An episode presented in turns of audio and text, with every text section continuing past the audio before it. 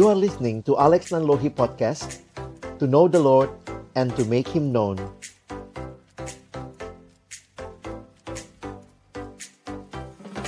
Mari teman-teman yang dikasihi Tuhan, sebelum kita membaca merenungkan firman Tuhan pada sore hari ini, mari kita bersatu di dalam doa.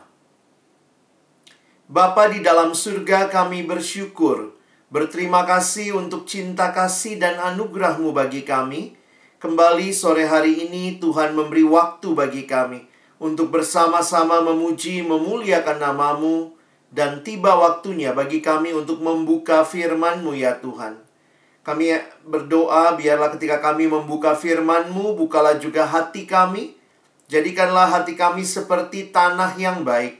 Supaya ketika benih firman Tuhan ditaburkan, itu boleh sungguh-sungguh berakar, bertumbuh, dan juga berbuah nyata di dalam kehidupan kami. Berkati baik hambamu yang menyampaikan setiap kami yang mendengar. Tuhan tolonglah kami semua. Agar kami bukan hanya menjadi pendengar-pendengar firman yang setia. Tapi mampukan dengan kuasa dari rohmu yang kudus. Kami dimampukan menjadi pelaku-pelaku firmanmu di dalam kehidupan kami. Di dalam masa muda kami. Bersabdalah ya Tuhan. Kami umatmu sedia mendengarnya. Di dalam satu nama yang kudus nama yang berkuasa, nama Tuhan kami Yesus Kristus. Kami menyerahkan pemberitaan firman-Mu. Amin. Shalom teman-teman yang dikasihi Tuhan, bersyukur buat kesempatan ini. Saya boleh melayani teman-teman yang ada di Samarinda dan sekitarnya.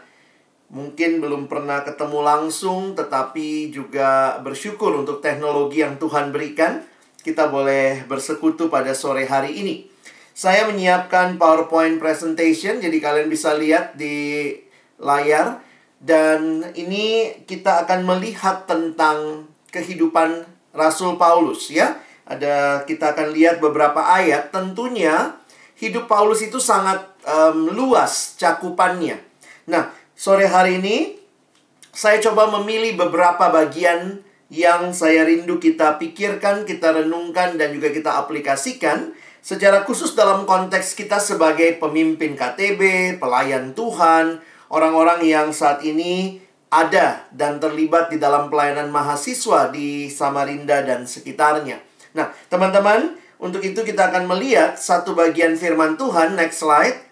Kita akan melihat dalam kisah Rasul pasal yang ke-26, ayat 12 sampai 23 ya. Kisah Rasul 26 ayat 12 sampai 23 saya minta tolong kesediaan satu rekan kita untuk membacakan ayat ini bagi kita sekalian. Silakan. Oke, Kak, saya akan membacakan. Ya, kisah Rasul 26 ayat 12 sampai ayat yang ke-23. Paulus menceritakan pertobatan dan panggilannya.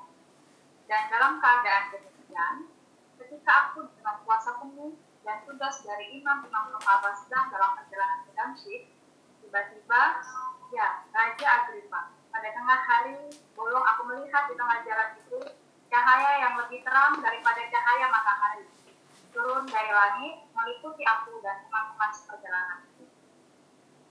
Kami semua rebah ketakutan dan aku mendengar suatu suara yang mengatakan kepadaku dalam bahasa Ibrani, Saulus, Saulus, maka, mengapa engkau menganiaya aku? Sukar bagimu menendang segala rangsa. Tetapi aku menjawab, siapa engkau?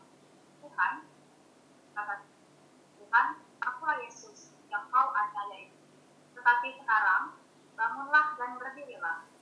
Aku menampakkan diri kepadamu untuk menetapkan engkau menjadi pelayan dan saksi tentang segala sesuatu yang telah kau lihat daripadaku dan tentang apa yang kau yang akan kuperlihatkan kepada kami. Aku akan memasingkan engkau dari bangsa ini dan dari bangsa-bangsa lain, dan aku akan mengutus engkau kepada mereka untuk membuka mata mereka supaya mereka berbalik dari kegelapan kepada terang dan dari kuasa kepada Allah supaya mereka oleh iman mereka kepadaku memperoleh pengampunan dosa dan mendapat bagian dalam apa yang ditentukan orang-orang yang dikuduskan.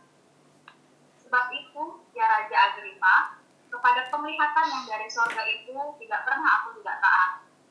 Tetapi mula-mula aku memberitakan kepada orang-orang Yahudi di Damaskus, di Yerusalem, dan di seluruh tanah Yudea, dan juga kepada bangsa-bangsa lain, bahwa mereka harus bertobat dan berbalik kepada Allah, serta melakukan pekerjaan-pekerjaan yang sesuai dengan pertobatan itu. Karena itulah orang-orang Yahudi menangkap aku di bait Allah dan mencoba membunuh aku. Tetapi oleh pertolongan Allah, aku dapat hidup sampai sekarang dan memberi kesaksian kepada orang-orang kecil dan orang-orang besar. Dan apa yang kuberitakan itu tidak lain daripada yang sebelumnya telah diberitakan oleh para nabi dan juga oleh Musa, yaitu bahwa Mesias harus menderita sengsara dan bahwa ia adalah yang pertama yang akan bangkit dari antara orang mati dan bahwa ia akan memberitakan tentang memberitakan terang kepada bangsa ini dan kepada bangsa-bangsa lain. Baik, terima kasih banyak untuk teman kita yang sudah membacakan bagian firman Tuhan ini.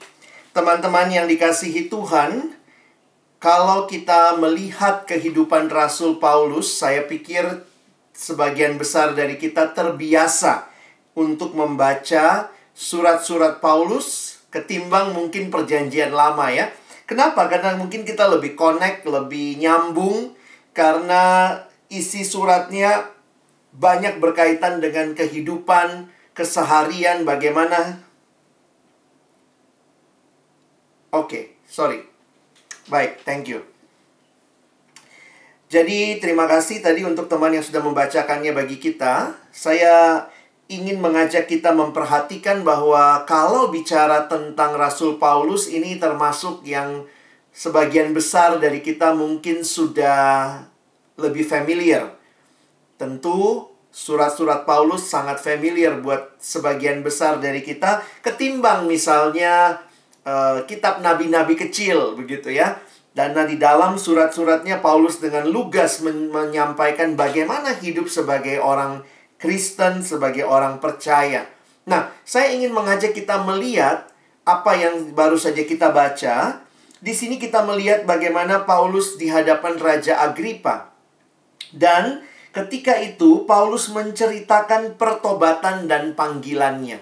Tentu kita tahu bagaimana Paulus yang sebenarnya sudah uh, dididik di dalam uh, kehidupan sebagai seorang yang mengenal Tuhan, secara dalam, kalau teman-teman memperhatikan dia tergolong orang Farisi, itu berarti dia punya pemahaman yang begitu kuat tentang perjanjian lama. Tetapi dia belum mengenal Kristus dan di dalam perjalanannya menganiaya jemaat, kita melihat bagaimana Tuhan menampakkan diri, memperkenalkan diri kepada Paulus dan pertobatannya itu sekaligus menjadi juga panggilan pelayanan Paulus dan ini hal yang luar biasa. Salah satu yang dipakai Tuhan sangat luar biasa adalah Rasul Paulus ini. Ya, saya ingin mengajak kita memperhatikan beberapa hal. Next slide. Nah, teman-teman, kalau kita lihat peran Rasul Paulus, saya pikir ini termasuk yang sangat signifikan di dalam kekristenan dibanding yang lain. Bukan berarti yang lain tidak punya peranan, tetapi kalau kita lihat misalnya Rasul Paulus dia menyebarkan Injil ke dunia atau ke wilayah orang-orang non-Yahudi. Bayangkan dalam kitab Kisah Rasul ayat Kisah Rasul 13 mulai pasal 13 sampai pasal 28 itu justru fokusnya banyak tentang Paulus. Sebelumnya kita tahu itu kisahnya Petrus, tetapi kemudian Petrus selesai Lalu kemudian mulailah diceritakan tentang Paulus dan sampai akhir kitab Kisah Rasul fokusnya ada pada Paulus. Peran apa lagi? Surat-surat perjanjian baru misalnya dari 13 13 dari 21 surat perjanjian baru itu Paulus yang tulis. Jadi ini kira-kira secara persentase adalah sekitar 25% dari isi perjanjian baru kita. Next slide. Teman-teman bisa lihat di sini ya. Jadi ada empat Injil, satu kisah Rasul, lalu kemudian ada dua bagian besar. ada surat-suratnya Paulus, ada yang disebut sebagai surat dari penjara, ada juga surat-surat penggembalaan, pastoral epistles, lalu kemudian ada surat umum, itu ada Ibrani, kitab uh, Yakobus, 1 2 Petrus, 1 2 3 Yohanes dan juga Yudas. Jadi kalau perhatikan luar biasa signifikan pelayanan dan kehidupan Paulus ini. Nah, tentu banyak hal yang bisa kita pelajari. Saya mau overview sebentar. Tidak semua dalam slide ini bisa uh, saya bahas karena itu nanti teman-teman bisa dapat slide-nya tetapi saya hanya akan meng-highlight beberapa hal yang menarik untuk kita pikirkan. Next. Jadi kalau kita lihat latar belakang dalam Filipi misalnya kita belajar bahwa Paulus ini orang Yahudi Tulen. Yahudi Tulen maksudnya dari latar belakang orang tua yang Yahudi, papa mama Yahudi. Karena itu dia bersaksi di dalam Filipi pasal 3 misalnya, dia mengatakan disunat pada hari ke-8. Jadi berarti ya anak anak umur 8 hari kan nggak mungkin datang sendiri tolong sunatin dong gitu ya. Itu berarti dia punya orang tua yang sangat memegang kehidupan atau berpegang pada kitab Taurat. Jadi umur 8 hari sebagaimana kebiasaan anak laki-laki Yahudi seumur 8 hari disunatkan. Tapi dia adalah Yahudi diaspora. Maksudnya apa? Mereka tidak lagi tinggal atau orang tua Paulus tidak lagi tinggal di tanah Palestina. Jadi mereka ada di rantau. Karena itu kita lihat Paulus lahirnya di Tarsus di daerah Silisia atau sekarang itu sekitar di daerah Turki ya perbatasan dengan Syria. Nah, pendidikannya di Yerusalem kalau kita perhatikan dia adalah kelompok Farisi berarti dia belajar hukum dalam sekolah rabi pada waktu itu di bawah asuhan Gamaliel. Jadi ini uh, pasti bukan hal biasa, ini hal yang luar biasa juga ya bahwa Paulus ini sarjana hukum, teman-teman ya. Sarjana hukum Taurat, kira-kira begitu.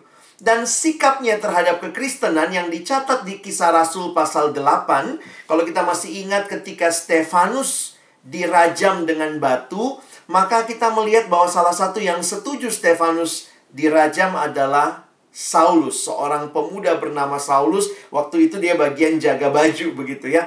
Ada yang bilang kenapa dia yang jagain baju? Mungkin justru dia pemimpinnya. Sehingga dia yang menyuruh orang-orang dan kemudian dari apa yang kita lihat di kisah Rasul pasal 9 misalnya, dia yang di dia dengan sangat berapi-api meminta surat untuk menganiaya orang-orang Kristen. Nah, di titik itulah juga Tuhan berkenan menjumpai Paulus. Next. Kalau kita lihat di dalam bagian selanjutnya, ini pertobatan dan panggilan Paulus. Teman-teman bisa lihat, ini adalah kisah Rasul pasal 9. Jadi kalau kalian lihat ada ayat di situ kisah Rasul pasal 9 ayat 3 dalam perjalanan ke Damsyik ketika ia sudah dekat kota tiba-tiba cahaya memancar dari langit mengelilingi dia. Ia rebah ke tanah dan kedengaranlah olehnya suatu suara yang berkata kepadanya, "Saulus, Saulus, mengapa engkau menganiaya aku?" Jawab Saulus, "Siapakah engkau, Tuhan?" Katanya, Akulah Yesus yang kau aniaya itu. Tetapi bangunlah dan pergilah ke dalam kota. Di sana akan dikatakan kepadamu apa yang harus kau perbuat. Jadi kalau kalian perhatikan bahwa di sinilah titik, nah ini agak berbeda. Mungkin kalau kita bertobatnya kapan, dipanggil pelayanannya next gitu ya. Tetapi karena hidup Paulus ini pertobatan dan panggilan pelayanan nampaknya bersamaan begitu ya. Nah, kalau itu teman-teman bisa perhatikan ada hal yang menarik dalam kitab kisah Rasul. Karena dua kali kitab kisah Rasul mencatat tentang pertobatan dan panggilan Paulus. Cerita pertamanya di kisah Rasul 9. Dan cerita kedua, itulah tadi teman-teman baca. Next slide. Saya kutipkan lagi. Kisah Rasul pasal 26. Coba lihat beberapa ayat ini. Paulus cerita lagi di hadapan Raja Agripa. Jadi, waktu saya melihat sampai dua kali muncul di dalam kitab kisah Rasul, satu kali dari ceritanya Paulus sendiri, karena itu kutipan langsung di hadapan Raja Agripa. Kelihatan dengan jelas pasti pertobatan dan panggilannya ini sangat berkesan secara pribadi buat Paulus. Ya. Nah, teman-teman coba lihat ayat 16.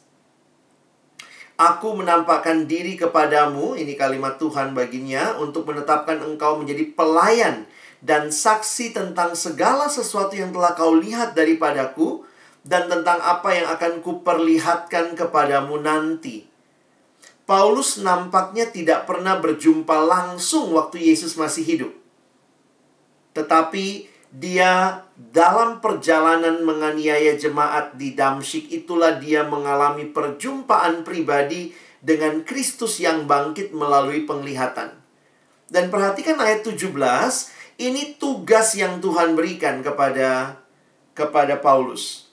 Aku akan mengasingkan engkau dari bangsa ini dan dari bangsa-bangsa lain dan aku akan mengutus engkau kepada mereka untuk membuka mata mereka supaya mereka berbalik dari kegelapan kepada terang dan dari kuasa iblis kepada Allah supaya mereka oleh iman mereka kepadaku memperoleh pengampunan dosa dan mendapat bagian dalam apa yang ditentukan untuk orang-orang yang dikuduskan.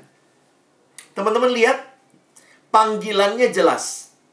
Menjadi rasul bagi bangsa-bangsa non Yahudi. Dengan tugas ayat 18 tadi membuka mata mereka supaya mereka berbalik dari kegelapan kepada terang, dari kuasa iblis kepada kuasa Allah, supaya oleh iman mereka beroleh pengampunan dosa. Jadi, luar biasa kalau kita menghayati, Paulus menghayati betul panggilannya. Dan karena itu, lihat respon Paulus, ini kan ayat 2, ayat 18 ya. Nah, next slide, ini ayat 19. Ini ayat 19 dia mengatakan ya sebab itu ya Raja Agripa.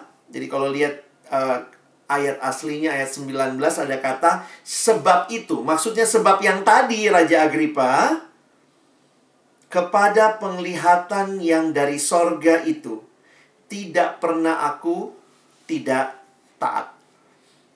Teman-teman, waktu merenungkan kalimat ini, ini kalimatnya double negatif ya tidak pernah aku tidak taat. Harusnya kan Paulus bilang aja, aku selalu taat. Tetapi ini cara mengungkapkan yang di dalamnya menunjukkan keseriusan yang luar biasa. Tidak pernah aku tidak taat. Teman-teman, kita berhenti sebentar, coba kita lihat hidup kita, ya.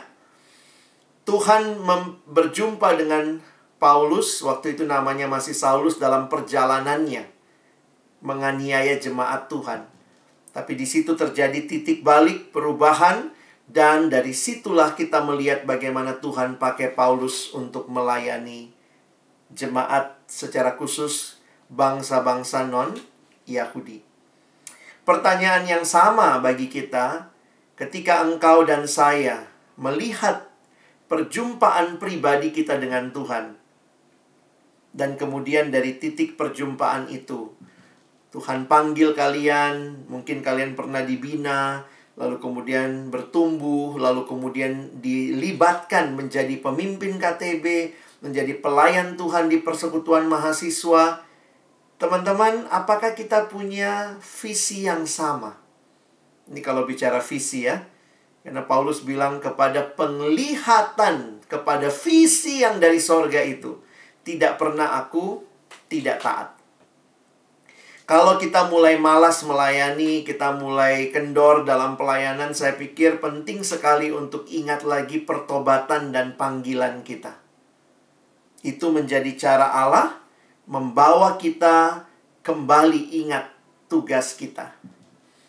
Teman-teman, saya menyerahkan diri jadi hamba Tuhan penuh waktu kira-kira tahun 97-98 dalam pergumulan waktu itu dan waktu itu jelas ada dua pelayanan yang saya kerjakan. Saya waktu itu melayani ke anak-anak jalanan, ke panti asuhan. Ada satu teman memiliki panti asuhan. Saya sering pelayanan ke sana, dekat dengan anak-anak jalanan melayani mereka.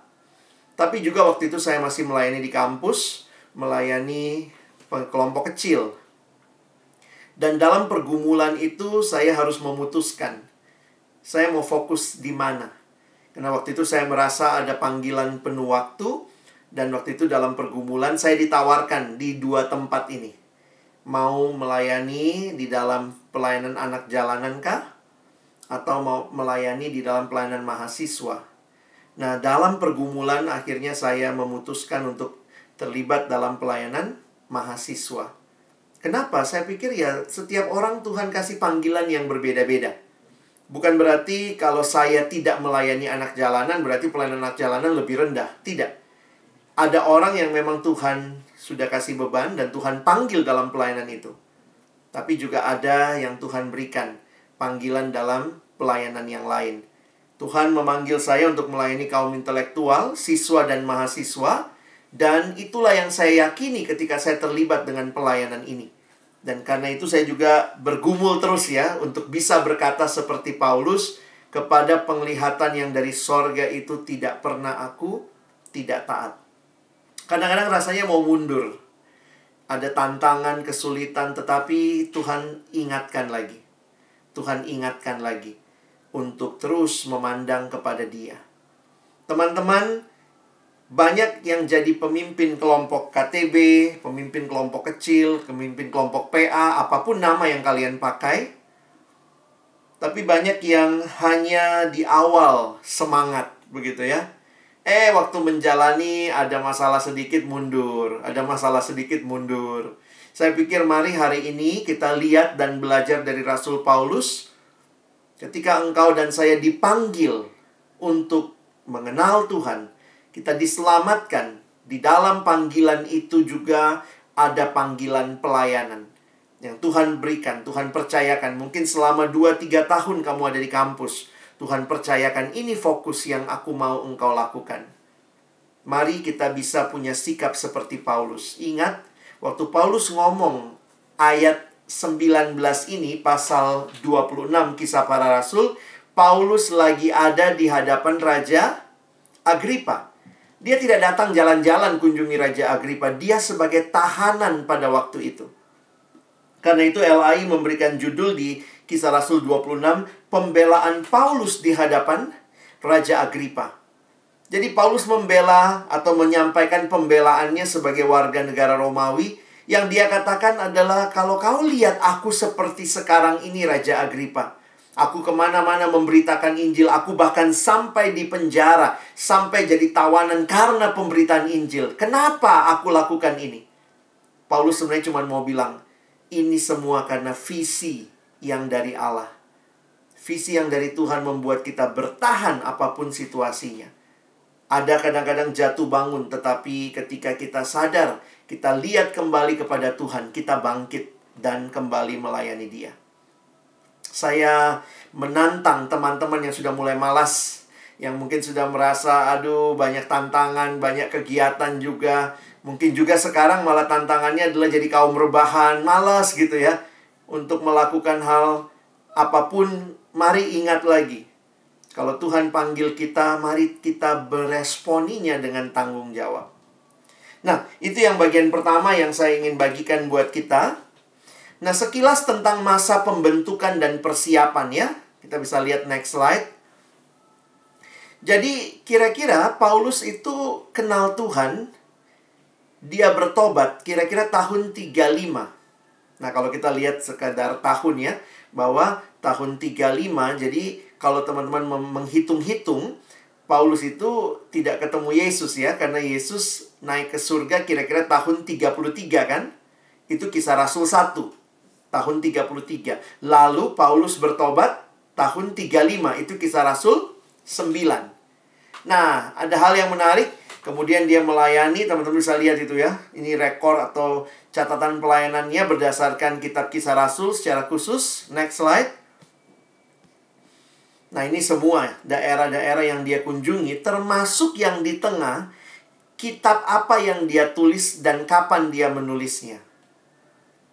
Nah, sekarang saya mau angkat salah satu kitab terakhir yang disebut kitab uh, bukan kitab terakhir ya, salah satu kitab yang ditulis atau Paulus tulis dari dalam penjara yaitu kitab Filipi.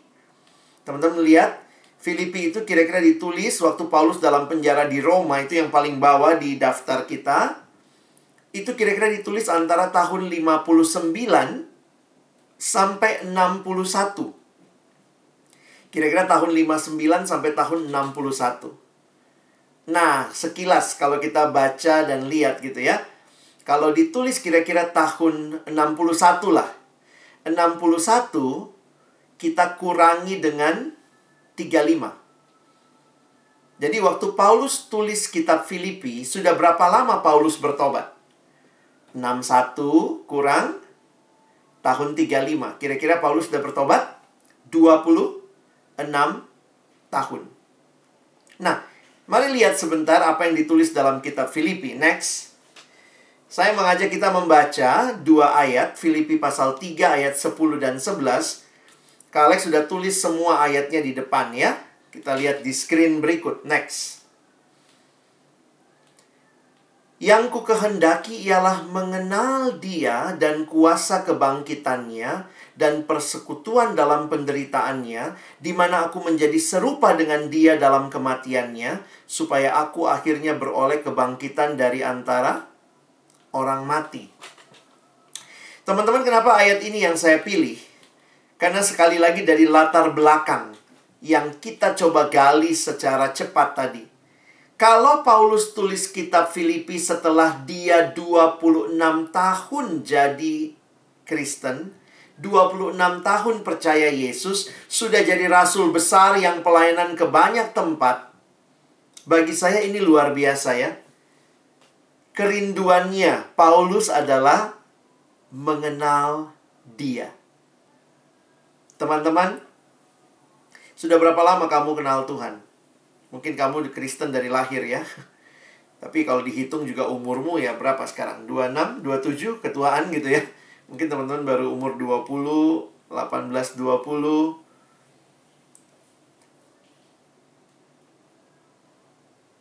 Nah, teman-teman bisa melihat kerinduan yang sama apakah kita miliki. Setelah 26 tahun kenal Tuhan, Kerinduannya sangat sederhana. Yang ku hendaki ialah mengenal dia. Saya lagi membayangkan gini teman-temannya. Saya kadang-kadang suka iseng gitu ya. Anggaplah ada ada wartawan dari Filipi Post waktu itu datang dan wawancara Paulus. Lalu dia tanya, Rasul Paulus, engkau sudah luar biasa pelayanan ke sana kemari. Engkau sudah 26 tahun jadi Kristen, kenal Yesus. Apa kerinduanmu sekarang? Lalu Paulus jawabnya apa? yang ku kehendaki ialah mengenal dia. Wow, saya jujur aja kaget waktu membaca ini dengan mengetahui Paulus menulis ini setelah 26 tahun jadi Kristen. Kenapa? Karena ini kerinduan yang sangat mendasar. Ini kayak kerinduan anak baru ya, yang baru ikut retret, baru pulang retret penginjilan, baru ikut KKR. Gimana deh, apa yang kamu rindukan? Aku pengen kenal Tuhan, Kak. Ya, seminggu. Dua minggu masih begitu. Tiga minggu masih begitu. Setahun masih seperti itu. Dua tahun masih seperti itu. Paulus 26 tahun. Kerinduannya tetap, aku ingin kenal dia. Wow, teman-teman, saya kagum sekali waktu baca ayat ini pertama kali dengan pengertian itu karena menyadari banyak orang merasa makin lama dia sudah makin kenal Tuhan. Tapi Paulus makin lama dia terus memiliki kerinduan. Aku ingin kenal dia. Satu-satunya mata kuliah yang SKS-nya tidak pernah habis selama hidup bagi Rasul Paulus adalah mata kuliah mengenal dia. Next. Di dalam bahasa Inggris digunakan istilah yang ku kehendaki I want to know Christ aku ingin know Christ, to know Christ. Jadi secara sederhana kalau kalian perhatikan, sebenarnya kata know di sini punya pengertian yang lebih dalam daripada sekedar tahu. Tetapi lebih tepat mungkin digunakan istilah kenal. Beda ya antara tahu sama kenal. Next. Jadi saya simpulkan, tujuan hidup Paulus adalah untuk mengenal Allah, setelah sekian lama pelayanan, sekian lama kenal Tuhan, seluruh aspek hidupnya diarahkan untuk mengenal Allah. Termasuk melalui pelayanannya. Apa tujuannya dia melayani? Dia melayani adalah sebagai respon dia kepada Allah yang dia kenal. Dan melalui pelayanannya Paulus merindukan dirinya semakin kenal Tuhan. Apakah ini juga kerinduan teman-temanku? Hai para pemimpin KTB, orang-orang yang melayani Tuhan, masih punyakah kita kerinduan yang sangat mendasar? Yaitu mengenal Tuhan. Waktu kalian baca Alkitab setiap hari dalam saat teduh, waktu kalian punya waktu-waktu jam-jam doa, apa sih yang sedang kita lakukan? Apakah itu adalah satu kerinduan terus mengenal Allah? Saat teduh bukan kewajiban. Saat teduh bukan ya dipaksa. Aduh, aku kan pelayan Tuhan, aku pemimpin KTB, masa nggak saat teduh? Tetapi saat teduh, kerinduan baca firman adalah untuk mengenal Tuhan lebih dalam lagi. Itu yang Paulus miliki. Next, saya tuliskan begini ya. Ini pengenalan yang lebih dari sekedar pengetahuan, lebih dari sekedar informasi. Paulus mengenal Tuhan bukan untuk bisa jawab kuis Alkitab. Banyak orang baca Alkitab supaya bisa jawab cerdas cermat Alkitab. No. Tapi kita mau pengenalan yang next slide yang dimulai dalam iman kepada Kristus. Ini pengalaman yang relasional pengenalan yang relasional, pengenalan yang di dalamnya kita makin kenal, makin mengerti, makin berelasi dengan Tuhan. Dia bukan objek pengetahuan, tapi dia pribadi yang hidup, yang rindu memiliki relasi dengan kita. Karena itu jangan merasa kalau saya sudah pimpin KTB yang perlu bertumbuh tuh adik-adik saya, mereka masih baru. Kamu dan saya sebagai orang yang melayani Tuhan, apakah kita juga terus bertumbuh? Terus makin kenal Tuhan? Buktinya apa? Ini pengenalan yang relasional dan akhirnya saya melihat ini pengenalan yang transformatif. Perhatikan kalimat berikut, next slide. Lihat cara Paulus menggambarkan adalah mengenal dia dan kuasa kebangkitannya dan menjadi serupa dengan dia dalam kematiannya. Ini ada tujuan Tujuannya adalah jadi serupa dengan Kristus. Bukan kenal untuk tahu saja, tapi kenal untuk makin hari makin mengalami transformasi serupa dengan Dia. Makin mirip Kristus. Jadi teman-teman kalau perhatikan, bagi saya ini menarik ya, pengenalan yang transformatif. Makanya kalau kita mau cek hidup kita, saya pikir Paulus memberikan patokan yang menarik. Dari mana kita cek kita bertumbuh? Paling gampang bukan berapa banyak buku rohani yang kamu baca, berapa kali kamu baca Alkitab bolak-balik, berapa jam kamu saat teduh. Bagi saya itu semua penting, tapi bukan ukuran kerohanian. Ukuran kerohanian yang sejati adalah apakah engkau dan saya makin serupa Kristus. Cara berpikir kita, emosi kita, tingkah laku kita, tutur kata kita, apakah kita makin serupa dengan Kristus? Jadi teman-teman, Paulus bukan hanya punya visi tadi yang awal ya, dia punya visi. Tapi visi itu dia jalani dengan hidup yang terus makin kenal Tuhan. Dan karena itu nggak berhenti sampai di situ. Next slide. Teman-teman lihat ya. Di dalam Efesus pasal yang ke-6, ini saya coba ambil bahasa Inggrisnya. Paulus mengatakan berdoa jugalah untuk kami. Supaya setiap kali kami membuka mulut, maka kami diberikan keberanian untuk mem- mem- menyampaikan, mewartakan Injil, menyampaikan misteri Allah. Bagi saya menarik sekali karena istilah yang digunakan dalam bahasa Inggris, make known. Paulus sadar dia dipanggil untuk memberitakan, memperkenalkan Kristus bagi bangsa-bangsa non-Yahudi. Dan dia sadar betul itu tugas yang dia terima. Next slide. Masih ingat ayat ini? Karena bagiku hidup adalah Kristus. Kadang-kadang orang lupa, orang pikir ini kalimatnya Ahok. Bukan ya. Ini kalimatnya Paulus, Ahok yang ngutip. Hidup bagiku adalah Kristus dan mati adalah keuntungan. Banyak orang salah mengerti ayat ini karena ada faktor matinya gitu. Mati adalah keuntungan. Kalau ujian mulai sulit, aduh Tuhan mati aja lah. Kenapa? Apa? Untung. Padahal mau bebas dari kesulitan ujian. Punya pergumulan hidup, tertekan sedikit, aduh aku mati aja lah. Mati adalah keuntungan. Seolah-olah pakai ayat ini untuk uh, menghindari kesulitan. Tapi kalau perhatikan, ayat ini sebenarnya menyatakan begini, betul Mati adalah keuntungan, hidup adalah Kristus. Tetapi kan realitanya apa? Sekarang aku masih hidup. Nah, itu yang Paulus bilang. Tetapi jika aku harus hidup di dunia ini dan sekarang aku masih hidup, apa artinya? Itu berarti bagiku bekerja memberi buah. Jadi Paulus sadar betul dia kenal Tuhan dan dia dipanggil memperkenalkan Tuhan.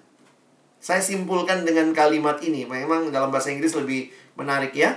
Next slide. Ini tujuan hidup Paulus, to know Jesus and to make him known. Tujuan hidupnya adalah mengenal Allah, mengenal Yesus dan memperkenalkan Yesus. Teman-teman lihat, pertama tadi dia punya visi yang Tuhan berikan bagi dia. Dia menjalaninya dengan terus kenal Tuhan dan karena itulah dia bisa memperkenalkan Tuhan. Saya pikir kalau kita, para pemimpin KTB, orang-orang yang melayani, punya pengenalan yang dalam seperti ini.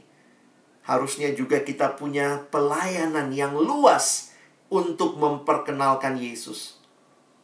Teman-teman, next slide. Kalau kalian lihat bagaimana pelayanan Paulus luar biasa ya.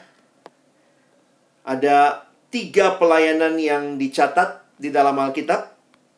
Tiga kali perjalanan misi Bahkan para ahli Alkitab mencoba merekonstruksi ada kemungkinan ada perjalanan yang keempat. Dan ini perjalanan sampai ke ujung bumi. Ini luar biasa. Ada seorang yang coba hitung berapa jarak yang Paulus pakai untuk pelayanannya pada waktu itu. Kalau dihitung-hitung kilometernya, itu ternyata Paulus secara jarak itu seperti mengelilingi bumi tiga kali. Itu jarak perjalanannya. Dan ingat waktu itu belum ada Air Asia, belum naik pesawat ya. Paulus jalan kaki, naik kapal, dan dia lakukan semua ini. Karena visi yang dari Allah. Dia rela berkorban, mati-matian.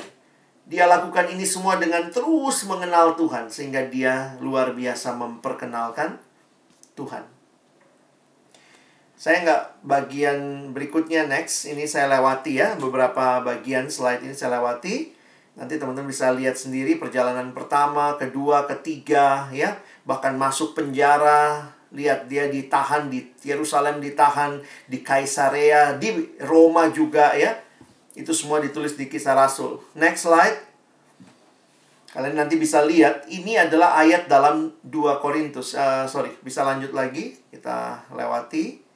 Tidak semua hal bisa dibahas ya. Ini ini banyak sekali cerita. Paulus melayani dengan penuh perjuangan. Perhatikan di 2 Korintus pasal 11 dari ayat 23 sampai 29 dia menceritakan bagaimana pelayanannya dia lakukan dengan penuh perjuangan. Dan next slide. Kalau kalian perhatikan nanti Paulus setia sampai akhir. Sejarah gereja mencatat kitab terakhir yang ditulis oleh Paulus adalah kitab 2 Timotius.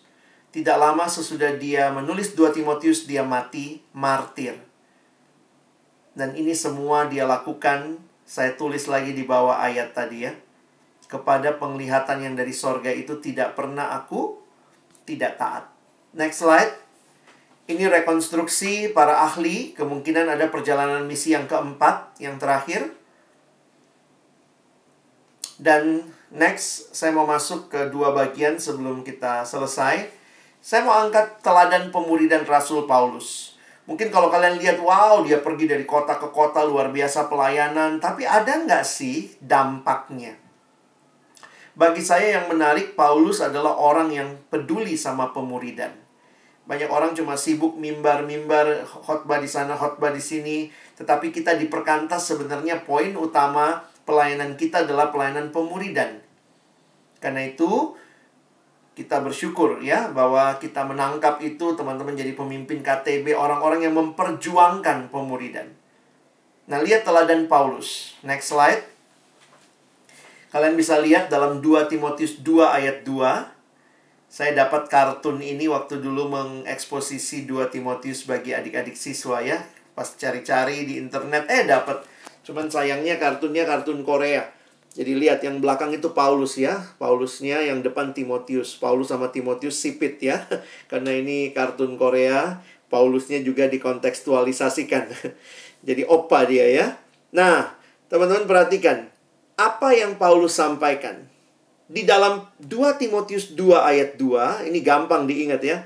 Ayat yang menyatakan multiplikasi pelayanan pemuridan. Apa yang telah engkau dengar daripadaku di depan banyak saksi, percayakanlah itu kepada orang-orang yang dapat dipercaya, yang juga cakap mengajar orang lain. Yang ada di benak Paulus bukan cuma satu generasi. Bukan cuma Timotius, aku dan kamu Timotius. Tapi Paulus bilang, Timotius yang kau dengar daripadaku, percayakanlah kepada orang yang dapat dipercaya. Tapi nggak berhenti di generasi ketiga tetapi juga kepada orang yang dapat dipercaya yang juga cakap mengajar orang lain. Luar biasa. Yang ada di benak Paulus ada empat generasi. Dirinya, Timotius, orang yang dapat dipercaya, orang yang cakap mengajar orang lain. Teman-teman, ini pemuridan. Next. Penting sekali pemuridan. Itu bisa kita lihat dalam kehidupan Paulus. Dari kota ke kota dia berkunjung, ternyata dia di situ juga tinggal sekian lama untuk memuridkan mereka.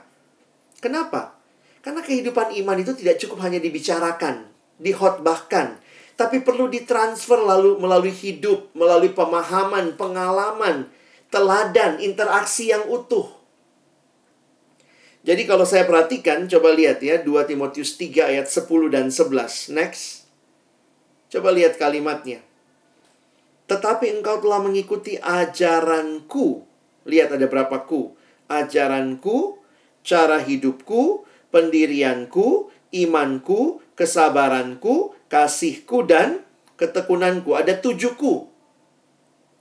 Paulus bilang sama Timotius, Timotius engkau telah ikut tujuhku. Tujuhku yang yang aku lakukan atau aku sampaikan. Dan bagi saya menariknya, ini bisa terjadi hanya karena relasi. Teman-teman, kamu bisa dengar ajaran saya. Abang khotbah, kalian bisa dengar khotbah saya. Kalian bisa dikatakan tahu ajaran saya. Tetapi bagaimana kalian tahu cara hidup saya? Pendirian saya, iman saya, kesabaran saya. Itu butuh relasi yang lebih dalam. Jadi Paulus mau bilang sama Timotius, kau sudah lihat semua tentang hidupku. Berarti ada relasi pemuridan yang dalam antara Paulus dengan Timotius. Bahkan Paulus pernah ajak Timotius pelayanan kan? Coba lihat di ayat 11. Next. Engkau telah ikut menderita penganiayaan dan sengsara seperti yang telah kuderita di Antioquia dan di Iconium dan di Listra. Semua penganiayaan itu kuderita dan Tuhan telah melepaskan aku dari padanya.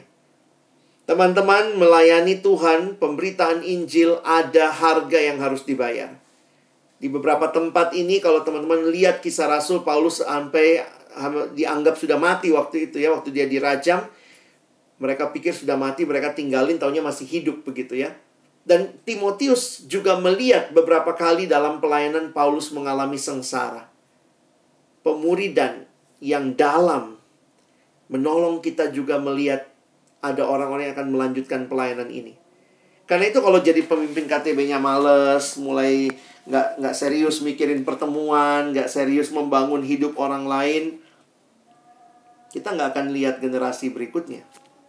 Tapi kalau kita setia, kita serius mengerjakannya, maka kiranya Tuhan bangkitkan Timotius Timotius yang melanjutkan pelayanan ini.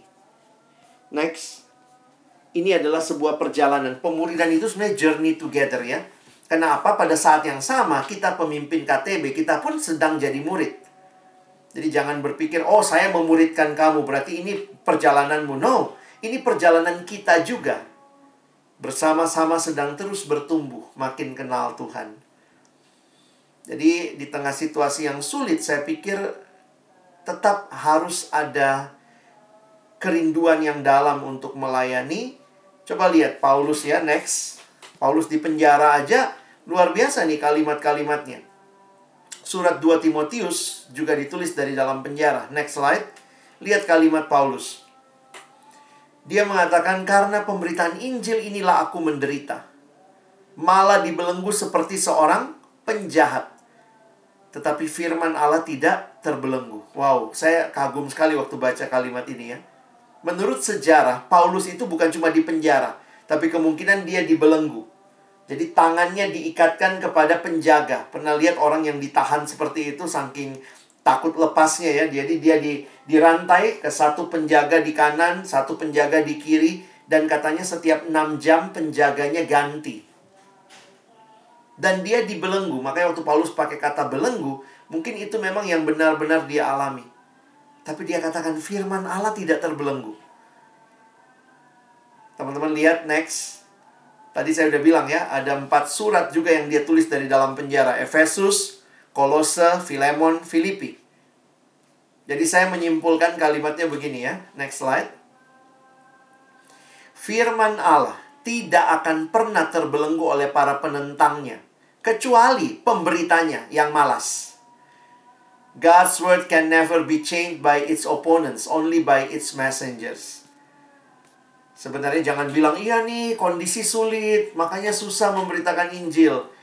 Lihat, Paulus dari dalam penjara tulis surat. Bayangkan ya. Saya coba bayangkan, next slide ya. Sekarang kan kita mulai bingung nih ya. Gimana KTB online gitu ya online atau offline gitu. Saya nggak tahu di sana udah enak nggak ketemuan begitu ya. Tapi orang bingung online atau offline, online atau offline. Saya pikir ya kita mari maksimalkan apa yang bisa kita lakukan. Poin saya begini loh. Lihat, Paulus dari dalam penjara aja nggak mati gaya. Banyak anak sekarang mati gaya. Baru lockdown di rumah, nggak bisa ke mana-mana. Langsung kaum rebahan, mati gaya. Paulus nggak. Dari dalam penjara dia tulis surat buat Timotius. Surat itu media yang dipakai pada waktu itu. Jadi saya mikir-mikir ya, kalau Paulus mungkin hidup sekarang ya, apa media yang dia pakai ya? Jangan-jangan Paulus update status terus di Instagram.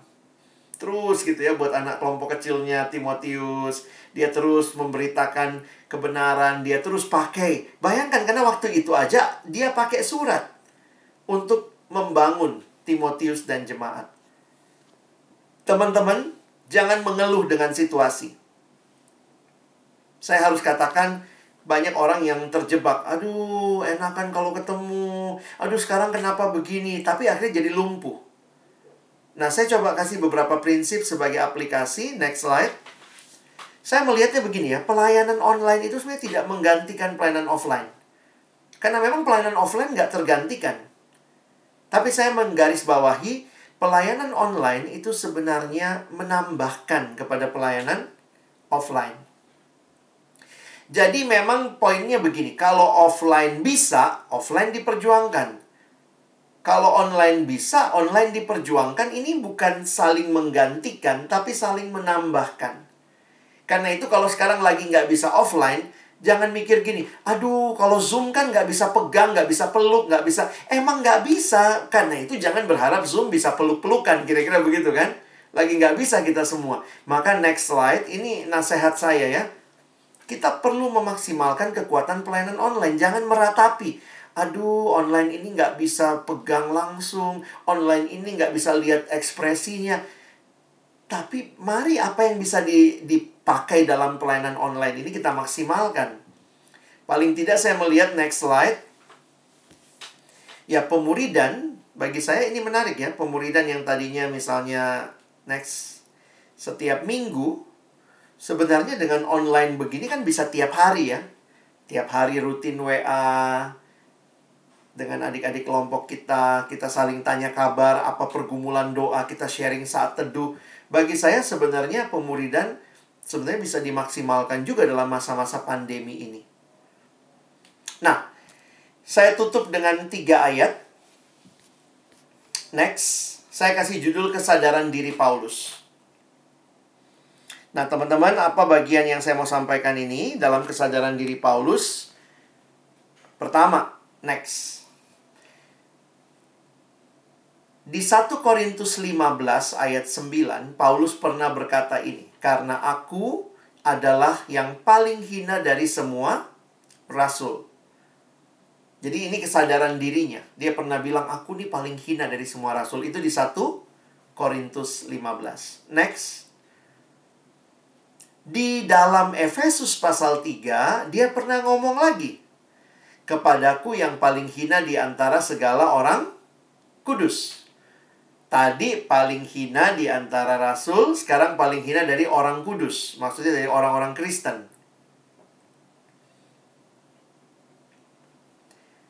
Telah dianugerahkan kasih karunia ini untuk memberitakan kepada orang-orang bukan Yahudi kekayaan Kristus. Satu ayat lagi. Di 1 Timotius, next. 1 Timotius 1 ayat 15 sampai 16. Nah, lihat kalimatnya. Kristus Yesus datang ke dunia untuk menyelamatkan orang berdosa. Dan di antara mereka, akulah yang paling berdosa. Tetapi justru karena itu aku dikasihani agar dalam diriku ini sebagai orang yang paling berdosa. Teman-teman, kenapa tiga ayat ini bagi saya menarik? Next, kita lihat urutannya ya. Ayat pertama itu ditulis di 1 Korintus. Ayat kedua ditulis di Efesus. Dan ayat ketiga ditulis di 1 Timotius. Menariknya begini. Surat 1 Korintus lebih awal ditulis. Habis tulis 1 Korintus, secara waktu baru Efesus, dan terakhir 1 Timotius. Kesimpulan saya apa? Ternyata makin lama Paulus melayani, kesadaran dirinya tentang anugerah Allah itu semakin dalam. Banyak orang baru pelayanan sebentar udah sombongnya luar biasa. Aku dong pemimpin KTB. Makin lama Paulus melayani bukannya makin sombong tapi makin sadar betapa tidak layaknya dia. Di 1 Korintus dia bilang aku paling hina dari semua rasul. Makin lama melayani, tulis surat Efesus. Dia bilang, aku nih paling hina dari semua orang kudus. Eh, surat 1 Timotius. Lebih lama lagi. Dia menyadari aku paling berdosa dari antara orang berdosa. Hanya orang kayak Paulus inilah yang saya pikir akan bisa menikmati pelayanan sebagai anugerah Allah. Karena sadar dirinya dan terus melihat diri di hadapan Allah. Sehingga next slide sebagai penutup. Di akhir hidupnya Paulus bisa berkata, Aku telah mengakhiri pertandingan yang baik. Teman-teman, saya tidak bisa expose ayat ini, sangat indah, tapi saya mau coba garis bawahi saja begini. Apa bedanya? Aku telah mengakhiri pertandingan yang baik dengan aku telah mengakhiri pertandingan dengan baik. Beda nggak? Aku telah mengakhiri pertandingan yang baik. Atau kalimat kedua, aku telah mengakhiri pertandingan dengan baik. Beda ya? Kalau aku telah mengakhiri pertandingan dengan baik, siapanya yang baik? Akunya. Tapi kalau aku telah mengakhiri pertandingan yang baik, siapanya? Apanya yang baik? Pertandingannya. Nah, lihat baik-baik ya ayatnya. Saya udah cek berkali-kali di 1 Timotius, di 2 Timotius. Ini 2 Timotius pasal 4 ayat 7. Aku telah mengakhiri pertandingan yang baik. Bukan mengakhiri pertandingan dengan baik. Poinnya adalah Paulus mau bilang gini sama Timotius. Timotius, aku tidak salah pilih pertandingan. This is the good fight. Timotius, aku tidak salah pilih pertandingan. Apa yang aku terima dari Tuhan, yang aku jalani dengan terus kenal Dia, dan aku pun telah memperkenalkan Dia. Kalaupun aku sekarang matinya harus di dalam penjara, harus dipenggal. Ingat ya, ini surat terakhir Paulus. Paulus mau bilang sama Timotius, "Jangan kau lihat di mana aku sekarang ini." Mungkin kalau Timotius lihat, ya ampun, Paulusnya di penjara, bentar lagi mati martir. Wah, salah nih ikut Tuhan. Harusnya jangan ikut Tuhan, udahlah. Tapi Paulus mau bilang di akhir hidupnya, aku nggak salah pilih pertandingan. Teman-teman, mungkin banyak dari kita yang merasa, aduh salah nih aku jadi PKK ya, pemimpin KTB. Saya waktu mikir-mikir, iya ya, berapa banyak dari kita yang bisa punya kesadaran. Karena ini Allah percayakan aku tidak salah pilih pertandingan. Dan karena ini pertandingan yang baik, aku mau menyelesaikannya dengan baik. Ada bagian kita. Tapi kiranya jauh lebih dalam. Yakinilah, hidup kita adalah pertandingan yang baik yang kita lakukan di dalam Tuhan. Kita benar-benar pegang kepada Tuhan. Kita tinggal di dalam Dia, jangan tergoda dengan hal-hal yang lain. Dan kita setia sampai akhir. Ini yang bisa saya bagikan dan kiranya menolong teman-teman dalam apa pun bagianmu saat ini dalam pelayanan. Mari belajar seperti Paulus yang terus kepada visi penglihatan yang dari sorga, tidak pernah Paulus tidak taat. Amin.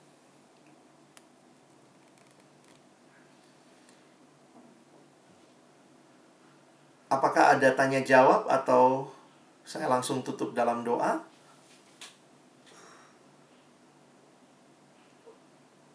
Uh, Oke, okay. terima kasih. Sama-sama. Uh, mengakhiri materi ini, uh, kami mau membuka uh, sesi tanya jawab. Bagi teman-teman yang ingin menanyakan terkait materi, uh, dipersilakan.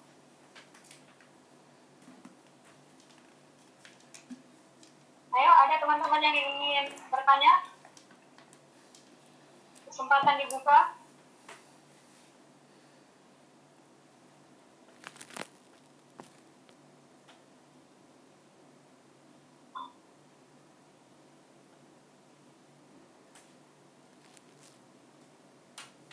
Tidak ada?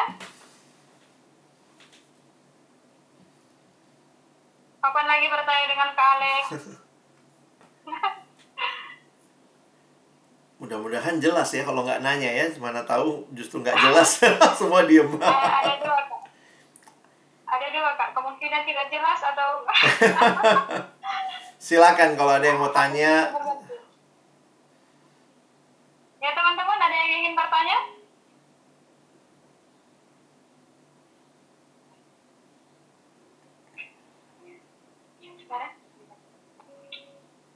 Oke, mungkin uh, tidak ada yang mau Oke. bertanya kak.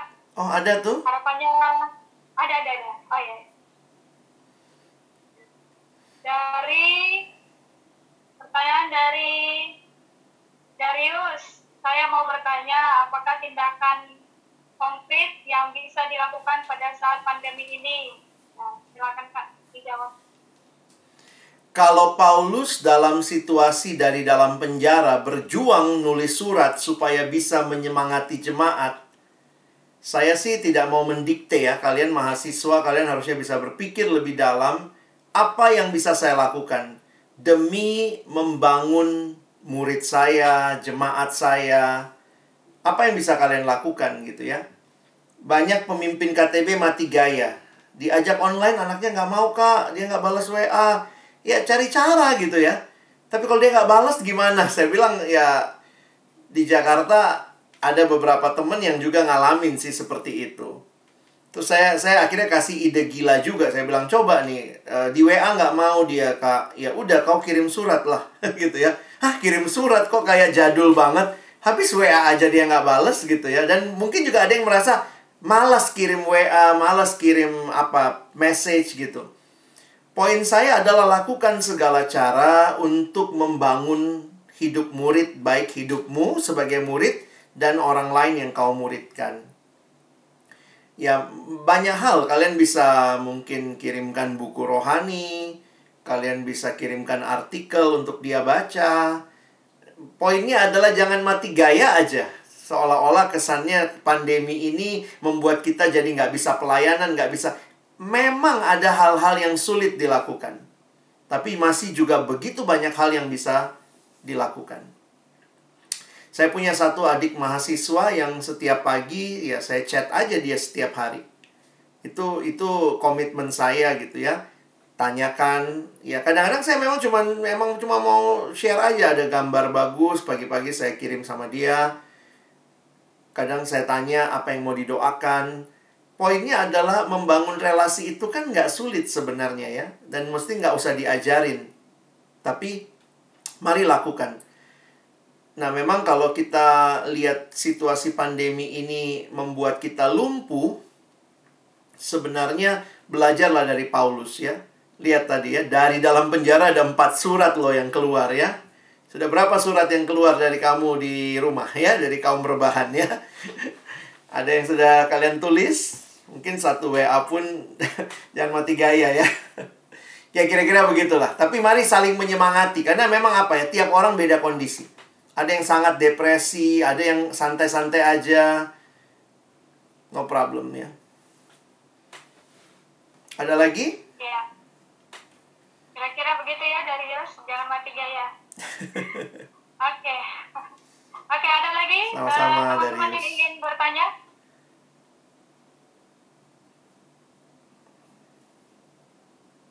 Ayo.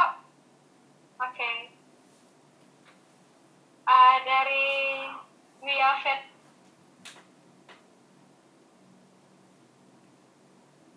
Bisa tolong bacakan, Dek. Saya agak susah bolak-baliknya. Ya. Ya kak, saya akan bacakan. Di dalam masa sekarang ini, di dalam masa sekarang ini kak, bagaimana kita sebagai anak-anak Tuhan menjadi generasi selanjutnya dari Paulus. Saya merasa mentalnya Paulus sangat luar biasa kak. Selain itu berhikmat banget karena memuridkan tim dengan Timotius dengan surat. Ya kayak gitu kak. Iya. Thank you ya, Dek. Kalau saya ngelihatnya eh, kita bukan Paulus. Tapi Roh Kudus yang pimpin Paulus itu juga Roh Kudus yang ada di dalam diri setiap kita. Allah yang menyertai Paulus adalah Allah yang juga menyertai kita sekarang. Yesus yang adalah juru selamat satu-satunya buat Paulus itu juga Yesus yang jadi juru selamat kita. Jadi saya meyakini kalau Tuhan bisa pakai Paulus dengan semua kapasitasnya, tapi sekali lagi kan kita bukan Paulus, maka pasti juga Tuhan bisa pakai kita dengan seluruh kapasitas kita. Mungkin kita tidak seperti Paulus dalam hal-hal yang lain, tapi ada hal-hal yang lain yang Tuhan berikan kepada kita. Ada satu teman dia bilang saya bukan Paulus kak, saya nggak bisa khotbah, saya nggak bisa ini. Tapi dia kalau bikin poster bagus banget gitu. Saya bilang, ya itu bagianmu gitu. Nggak usah minta bagian orang. Kadang-kadang tanpa kita sadari, kita membandingkan diri. Tapi kita jadi lupa bahwa tugas kita bukan membandingkan diri. Tugas kita adalah melakukan bagian yang Tuhan percayakan kepada kita. Ya tentu kita harus belajar ya, me, apa ya, eh, apa keluar dari comfort zone. Kadang-kadang ada juga eh, ini banyak orang keluar dari comfort zone ya. Mudah-mudahan setelah pandemi ini kita semua naik level ya. Yang nggak pernah masak, belajar masak, lihat-lihat resep. Yang nggak bisa main gitar, dari nggak tahu main gitar, eh mulai bisa dua kunci, udah naik levelmu kan, bisa dua kunci. Tiba-tiba ada yang eh, apa ya selama ini nggak pernah baca buku rohani karena nggak ada kerjaan, mulai baca buku. Saya pikir eh, ya mari dengan bagian kita masing-masing kita berkembang juga, kira-kira seperti itu. Ya. Itu ya jawaban Terima kasih Kak. Eh, ada lagi teman-teman ini yang ingin ditanyakan? Shalom. Shalom. Ya, jelas saya ya suara saya. Ya. Wajahnya yang nggak jelas karena nggak ada. Oh, ada fotonya. fotonya ada. Ah, jadi ini kak, oh, bentar saya pasang wajah dulu. Iya. Ah, Oke, halo. jadi, Mau, mau nanya, perkenalkan dulu nama saya Pangeran Yadaca, biasa dipanggil Mario. Waduh, Jadi jauh mau sekali. Seperti itulah kak. Jadi mau nanya kak, Iya. eh, tadi sempat disinggung tentang hikmat Mm-mm. di pertanyaannya Yafet tadi. Jadi saya mau nanya kak, sering kali hikmat sama iman itu eh, kayak bertentangan kak. Apalagi kalau di masa pandemi ini kita berusaha untuk menjalankan KTB, terus kita berusaha kayak kayak kakak bilang tadi melakukan segala cara, tapi kesannya kita kayak nggak berhikmat.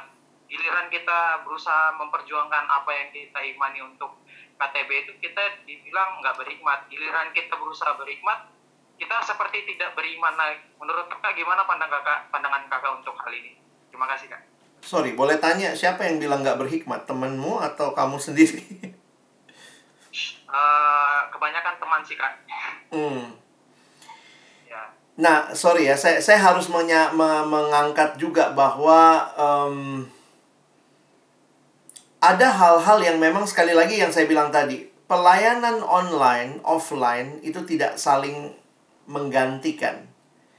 Jadi dalam banyak hal saya lihat em, kita mesti punya hikmat untuk melakukan banyak hal sekarang.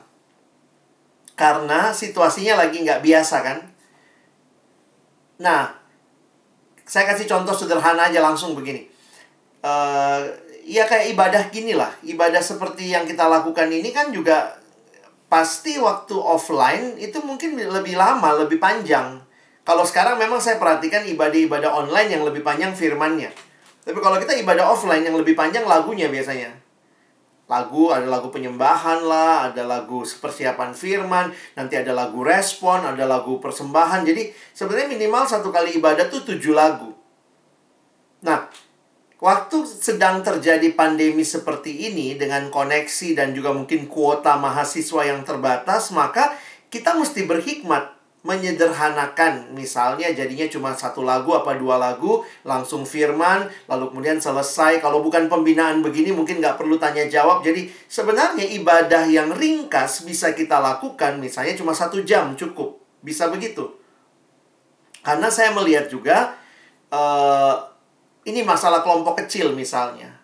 Kita mesti ber- bersiasat juga dengan KTB-KTB yang kita pimpin dalam masa pandemi ini bagaimana polanya Apakah semuanya kita bicarakan waktu online atau kita sudah persiapan pribadi dulu, jadi online-nya itu lebih cepat. Misalnya online kita, uh, KTB kita online cuma satu jam maksimal. Jadi poin saya adalah banyak orang merasa yang biasanya ketemu offline dipindahkan online. Kalau ketemu biasanya dua jam, maka online-nya juga dua jam. Bagi saya sih itu nggak berhikmat. Belum tentu begitu. Ada mahasiswa komplain kemarin. Karena dia dikomplain orang rumahnya. Orang rumahnya bilang, kamu dari pagi depan laptop sampai malam depan laptop gitu ya. Sama HP aja. Nggak ada bantu-bantunya di rumah ya. Terus dia bilang, e, iya dikomplain sama bapak mama kan. Ngapain sih? E, pagi kuliah. Ya kalau kuliah orang tua wajar kan. Tapi masa kuliah sampai malam? Oh malam ini rapat persekutuan lah uh, latihan lah, uh, KTB lah. Nah, KTB-nya pun juga tiga jam lagi pakai online. Kadang-kadang saya melihat harusnya nggak begitu ya. Jadi teman-teman mesti ber berhikmat untuk melakukan hal-hal yang dulunya biasanya offline. Jadi bukannya offline-nya biasa tiga jam, itu dipindah jadi online. Enggak. Justru online ini kan agak capek ya nonton screen begini harusnya lebih singkat, teman-teman uh, kita baca dulu ya, nanti ketemu tinggal diskusi dan seterusnya gitu. Kita mesti berhikmat juga menyiasati situasi sekarang, termasuk juga hal-hal online seperti ini. Kalau saya sih lihatnya begitu, jadi tapi gimana caranya ya? Karena kita sama-sama baru kan, belum pernah ngalamin ini, makanya mari saling share. Saya beberapa kali bilang sama mahasiswa, saya lagi pimpin satu KTB, kami KTB cuma satu jam jadi saya bilang uh, poinnya adalah kalau kamu mau ikut diskusi, baca bahannya sebelum KTB. Karena jangan waktu KTB, waktu online, kuota yang kita punya, kita sayang-sayang kuota ini untuk nonton drama Korea juga gitu ya. Ini kuota yang kita sayang-sayang ini, terus kita pakai juga untuk misalnya uh, di sinilah baru mulai baca. Oke, okay, kamu baca bahannya. Oke, okay. terus kalau lagi baca lanjutannya. Bagi saya itu nanti akhirnya kita habis waktu, padahal online yang mahal ini kita bisa pakai diskusi lebih baik. Tapi ya itu itu uh, plus minus sih ya.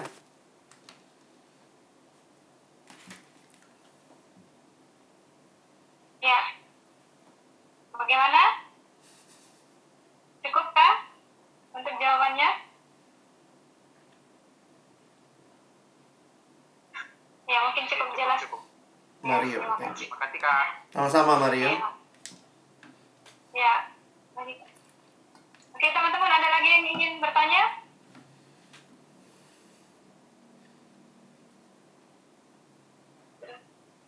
Oke, mungkin sudah tidak ada yang ingin bertanya. Terima kasih sekali lagi untuk Alex untuk materinya. Kita kembali diingatkan bahwa dalam pelayanan itu pasti ada kendala, hambatan baik eh, itu internal atau eksternal. Tapi mari kita sama-sama mengingat kembali, mengingat-ingat kembali visi atau tujuan Tuhan memanggil kita dalam pelayanan yang pastinya akan menyadarkan kita eh, betapa pentingnya melayani. Eh, menutupi materi kita, eh, minta kesediaan Kak Alex doa firman Kak. Baik, mari kita berdoa. Bapak Surgawi, terima kasih kami belajar dari hambamu Paulus. Mungkin bagi kami, Paulus tuh luar biasa. Begitu luar biasa, punya semangat, punya kerinduan yang dalam, punya daya juang yang luar biasa. Tapi di balik itu semua, kami diingatkan. Yang jauh lebih luar biasa adalah Allahnya Paulus. Allah yang menyertai Paulus. Dan yang kami syukuri, Allah yang sama juga saat ini sedang menyertai kami, memimpin kami. Kami sungguh berdoa kiranya dalam anugerahmu ya Tuhan, berikanlah kepada kami keberanian untuk hidup jadi murid Tuhan, hidup makin hari makin mengenal Engkau, hidup memperkenalkan Engkau sampai akhir hidup kami. Biarlah yang kami mau puaskan dalam hidup ini hanyalah Engkau Tuhan, Allah yang sudah memberikan segalanya bagi kami. Hamba berdoa bagi adik-adikku di tengah-tengah pergumulan yang kami alami masing-masing. Biarlah kami terus memandang kepada Allah. Allah yang memanggil kami, Allah yang menyelamatkan kami, Allah yang melibatkan kami dalam pelayanan, dan Allah yang berjanji juga menyertai kami sampai pada akhirnya. Sekali lagi kami bersyukur buat waktu ini. Tolong kami bukan cuma jadi pendengar firman, mampukan kami jadi pelaku-pelaku firman-Mu. Dalam nama Tuhan Yesus kami berdoa, kami bersyukur. Amin.